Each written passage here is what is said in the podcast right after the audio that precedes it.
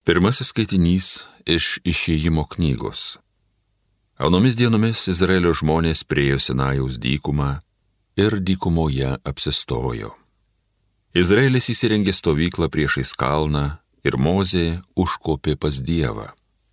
Dievas pašaukė Mozę nuo kalno tardamas, taip kalbėsi Jokūbo namams ir paskelbsi Izraelio vaikams.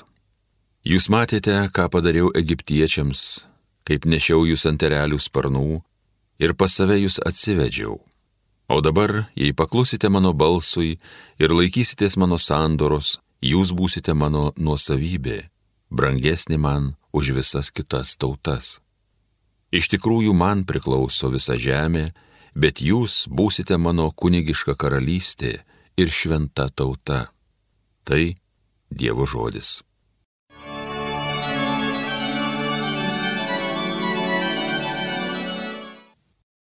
Mes jo tauta ir jo kaiminės avys.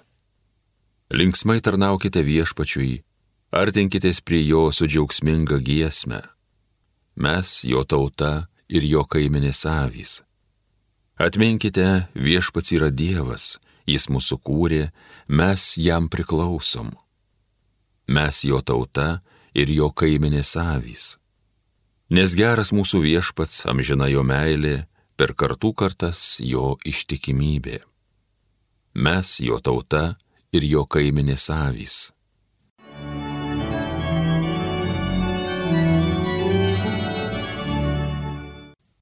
Antrasis skaitinys iš Šventojo Paštalo Pauliaus laiško romiečiams. Broliai ir seserys. Mums dar tebesant silpniems, Kristus skirtų metu numirė už bedievius Vargu ar kas sutiktų mirti už teisų jį, nebent kas ryštųsi numirti už geradarį. O Dievas mums parodė savo meilę tuo, kad Kristus numirė už mus, kai tebe buvome nusidėjėliai. Tai dar tikriau dabar, kai esame nuteisinti jo krauju, būsime jo išgelbėti nuo rūšios bausmės, jeigu kai dar buvome priešai, mūsų taikino su Dievu jo sūnaus mirtis, tai juo labiau mus išgelbės jo gyvybė, kai jau esame sutaikinti. Negana to, dar galime didžiuotis Dievu per mūsų viešpatį Jėzų Kristų, kuris mus sutaikino. Tai Dievo žodis. Alleluja.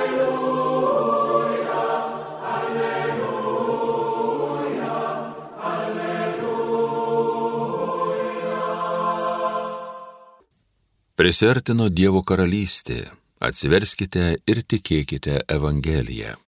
Alleluja, alleluja, alleluja.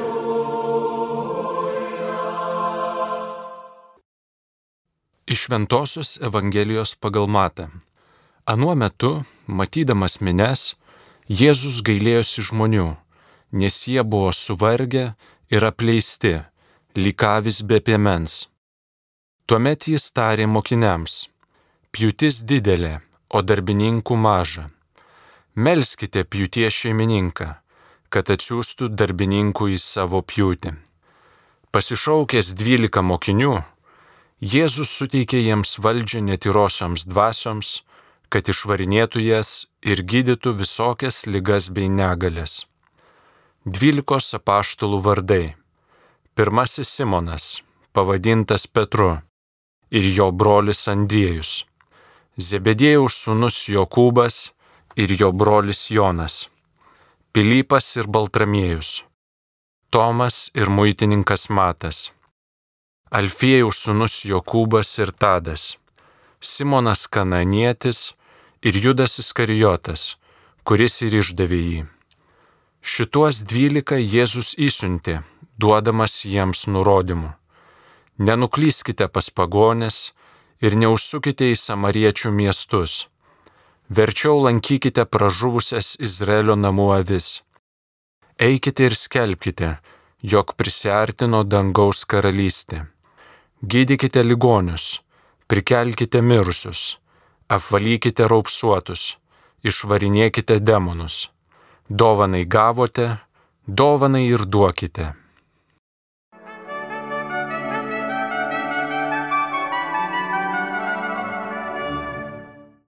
Mėly Marijos radio klausytojai, kodėl Evangelija pasakoja, kad tada minio žmonių buvo suvargę ir apleisti, ogi juos lygė daugybė kasdienybės rūpeščių. Jie buvo lygų ir skausmo, kankinami, o labiausiai jos lėgė nuodėmis. Ir nebuvo Nebuvo, kas juos išvaduoja. Todėl jautėsi taip apleisti, lyg avis be piemens. Nebuvo, kas jais rūpinasi, kas juos veda, nebuvo net kas juos užjaučia. Todėl jie vis bėgo ir bėgo pas Jėzų. Pamatė, kad Jėzus lipa į valtį ir plaukia į kitą Genizareto pusę. Jie skubėdavo ten ir vėl minio susirinkdavo. O kaip dabar? Kaip tada žmonės bėgo pas Jėzų, Taip dabar jie bėga iš bažnyčios, nebelanko bažnyčios, nebesimelčia. O kodėl? Į šį klausimą bando atsakyti škotų rašytojas Brius Maršal romane Malda už sugulovę. Jis pasakoja apie žavę, pamaldžią katalikę Šantalę, 21 metų mergaitę, dirbančią tarnaitę Paryžiuje. Kartą sekmadienį, primant jai komuniją, pavogė jos rankinuką su visomis santaupomis. Dieve mano, o ji kaip tik buvo atleista iš tarnaitės pareigų ir užmokėjo jai didelę sumą už visus metus ir ji planavo užsisakyti kambarį, gal eiti dirbti į kokį fabriką. Ir štai nieko nebeliko. Bet tada Kaip tik pamokslę kunigas kalbėjo apie gerąjį samarietį. Ir pasakojo, kaip visi abejingai ėjo pro pakelėje sužeistai. Tik samarietis sustojo ir išgelbėjo jį. Mergaitės ausise tiesiog skambėjo kunigo žodis. Kiekvienas krikščionis turi taip padėti ne tik artimiausiams, ne tik tiems, kurie greta gyvena, ne tik gerai pažįstamiems. Jis privalo padėti visiems. Vienodai ir vyrams, ir moteriams, ir vaikams, net kiekvienam vargšui, kurį gatvėje sutinka. Taip nuostabiai kunigas išaiškino Jėzaus palyginimą, todėl Šantalė po mišių nuskubėjo pas tą kunigą. Tiesa, nepaėgė jam kalbėti, tiesiog išdėjavo, kad ji apiplėšta iki paskutinio cento. O kunigas jai ramiai sako, nurimkite, kreipkitės į policiją. Pasirodo, jis tik gerai aiškina Jėzaus palyginimus, bet siaubingai nevykdo Jėzaus žodžių. Mergaitė net verkdama bėgo iš bažnyčios, bet Dievas davė jai dar vieną galimybę Kaip tik prie durų sutinka kitą kunigą. Tas klausė jos, gal galiu padėti kuo, jūs tokia apsiverkusi. Ji pajuto, kad tas kunigas padės jai. Todėl jis smulkiai viską jam papasakojo.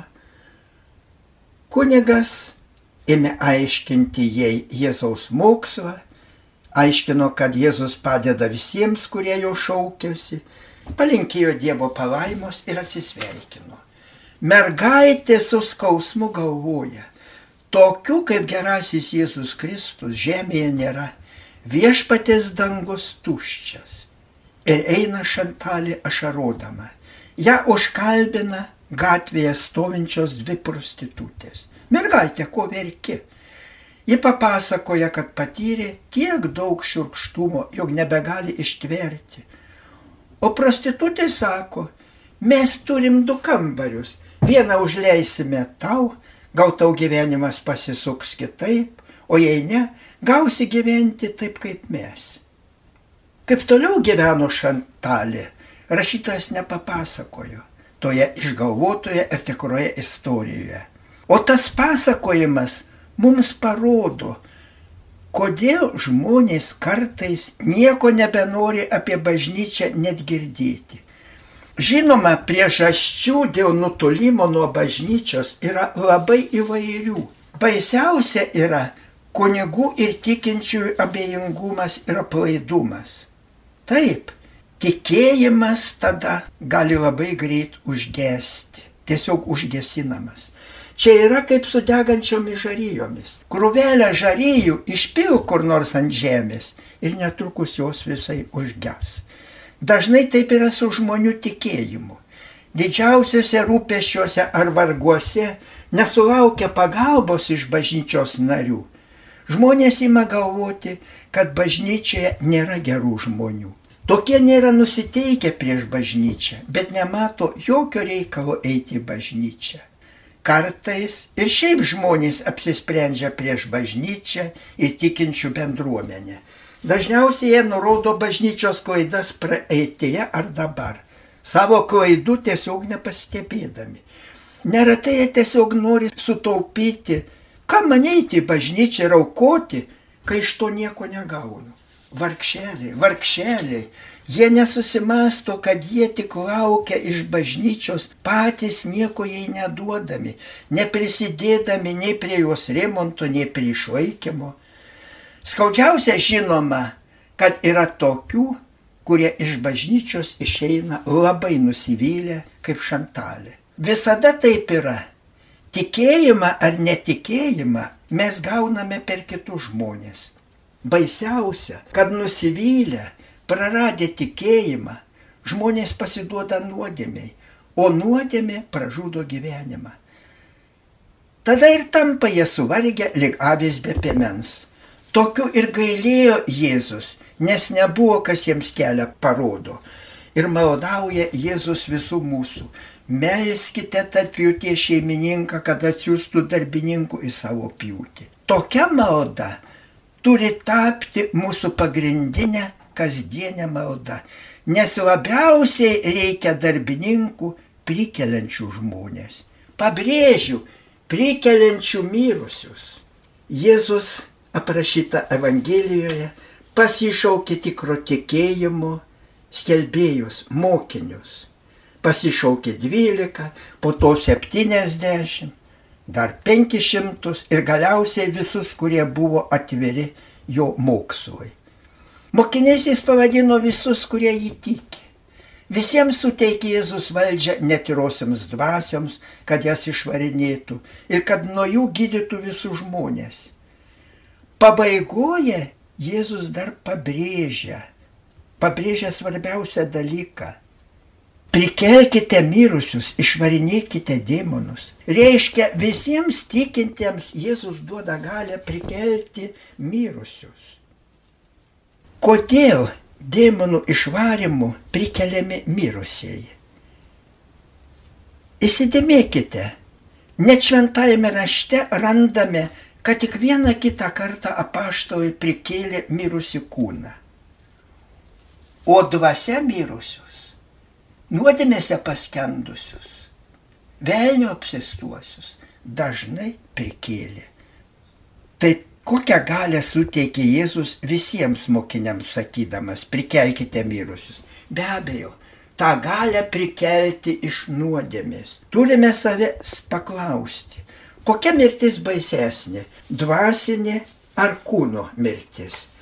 Jėzusgi yra sakęs, nebijokite tų, kurie žudo kūną, bet negali užmušti dvasios. Verčiau bijokite to, kuris gali pražudyti ir dvasią, ir kūną pragare nuodėmė tai žmogaus pasidavimas dėmonui, žmogaus dvasinė mirtis. Todėl dėmono išvarimas yra dvasios prikelimas iš mirties.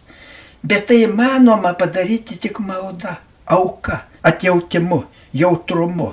Prisimenu vienos motinos istoriją Vokietijoje aprašytą poeto Konrado Mayerio. Tada vyko sukilėlių kovos už laisvę. Ir kareivis randa sukilimo vado sodybą. Namie žmona su trim vaikais. Kareivis ima kankinti moterį, kad pasakytų, kur vyras lėpėsi. Ji net kankinama neišduoda. Kareivis pastebi, kad kambari kūrenasi krosnė ugnis. Kareivis sukiša moters kojas į ugnį ir sako, Turi pasakyti, kur tavo vyrą galiu rasti. O jei nepasakysi, laikysiu, kol nudvysi. Ir vaikai mato, kad šitaip deginama mama numiršta. Velniškai deginama. Po trijų metų sukilimas laimi. Slapstosi, anie baudėjai, gaudomi. Vieną audringą naktį tas žudikas bėgdamas, klaidžiodamas pakliuvo į tą sodybą. Prižadinti vaikai iš karto atpažįsta ir pasako tėvui. Įsivaizduokite. Tėvas ryte prieblandoje parodo tam kareiviui pabėgimo kelią. Žudikas atsisveikindamas klausia, ar mane paleidžiate dėl to, kad bijote keršto? Ne. Žinok, Dievas nori tavo prisikelimo. Kai tėvas sugrįžo, vaikai klausia, ką tu padarai su žudiku? Leidžiau jam išeiti iš mikško. Įsivaizduokite, suaugę vaikai sakė, teisingai tėtis pasielgė ir mama amžinybė tikriausiai džiaugiasi. O mums būtų buvę sunku aukti su tėvu žudiku. Dar daugiau. Pas juos jau suaugusius atvyko tas žmogžudys, atvyko padėkoti, nes tėvo pasielgimas prikėlė jį, padarė tikinčių, padarė žmogumi. Kodėl aš papasakojau tą šantalietės istoriją? kad susimastytume, jog mes visi galime ir kito žmogaus tikėjimą nužudyti ir galime netikėjimo demoną išvaryti, tikėjimą prikelti. Visi esame Dievo pašaukti dvasia mirusius prikelti. Daugybė, milijonai kankinių žudomi meldėsi už savo kankintojus. Kaip šventasis diakonas Stepanas viešpatė neįskaityk jiems šitos nuodėmės. Ir taip savo kankintus išgelbėjo, ir taip juos prikėlė. Amen.